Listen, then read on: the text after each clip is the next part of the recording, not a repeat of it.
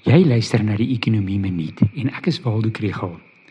Oktober maand se verbruikersprysinflasie syfer staan toe op 5,9%, effens hoër as wat ontleeders verwag het.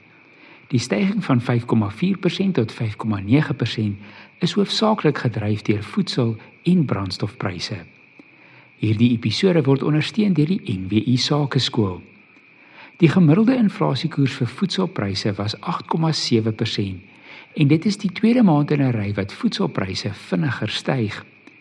Dit is 'n ingewikkelde prentjie met heelwat wisselvalligheid. Die pryse van brood en graanprodukte het bietjie stadiger gestyg as in September, maar steeds met 8,8% toegeneem. Rys is 20% duurder as 'n jaar gelede, maar vleispryse het met net 3,4% gestyg. Inflasie van die pryse van melk, eiers en kaas versnel tot 12,4%. Oor die afgelope jare het die prys van eiers met 24% gestyg.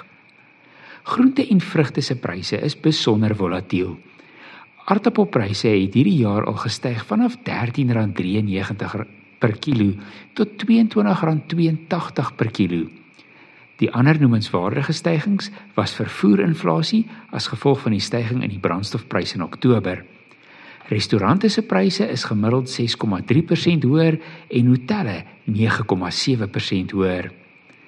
Later vandag word die monetêre beleidskomitee se repo koersbesluit bekend gemaak en ons kan maar seker wees dat die klein stygings in die inflasiekoers oor die laaste 3 maande hulle ongemaklik maak.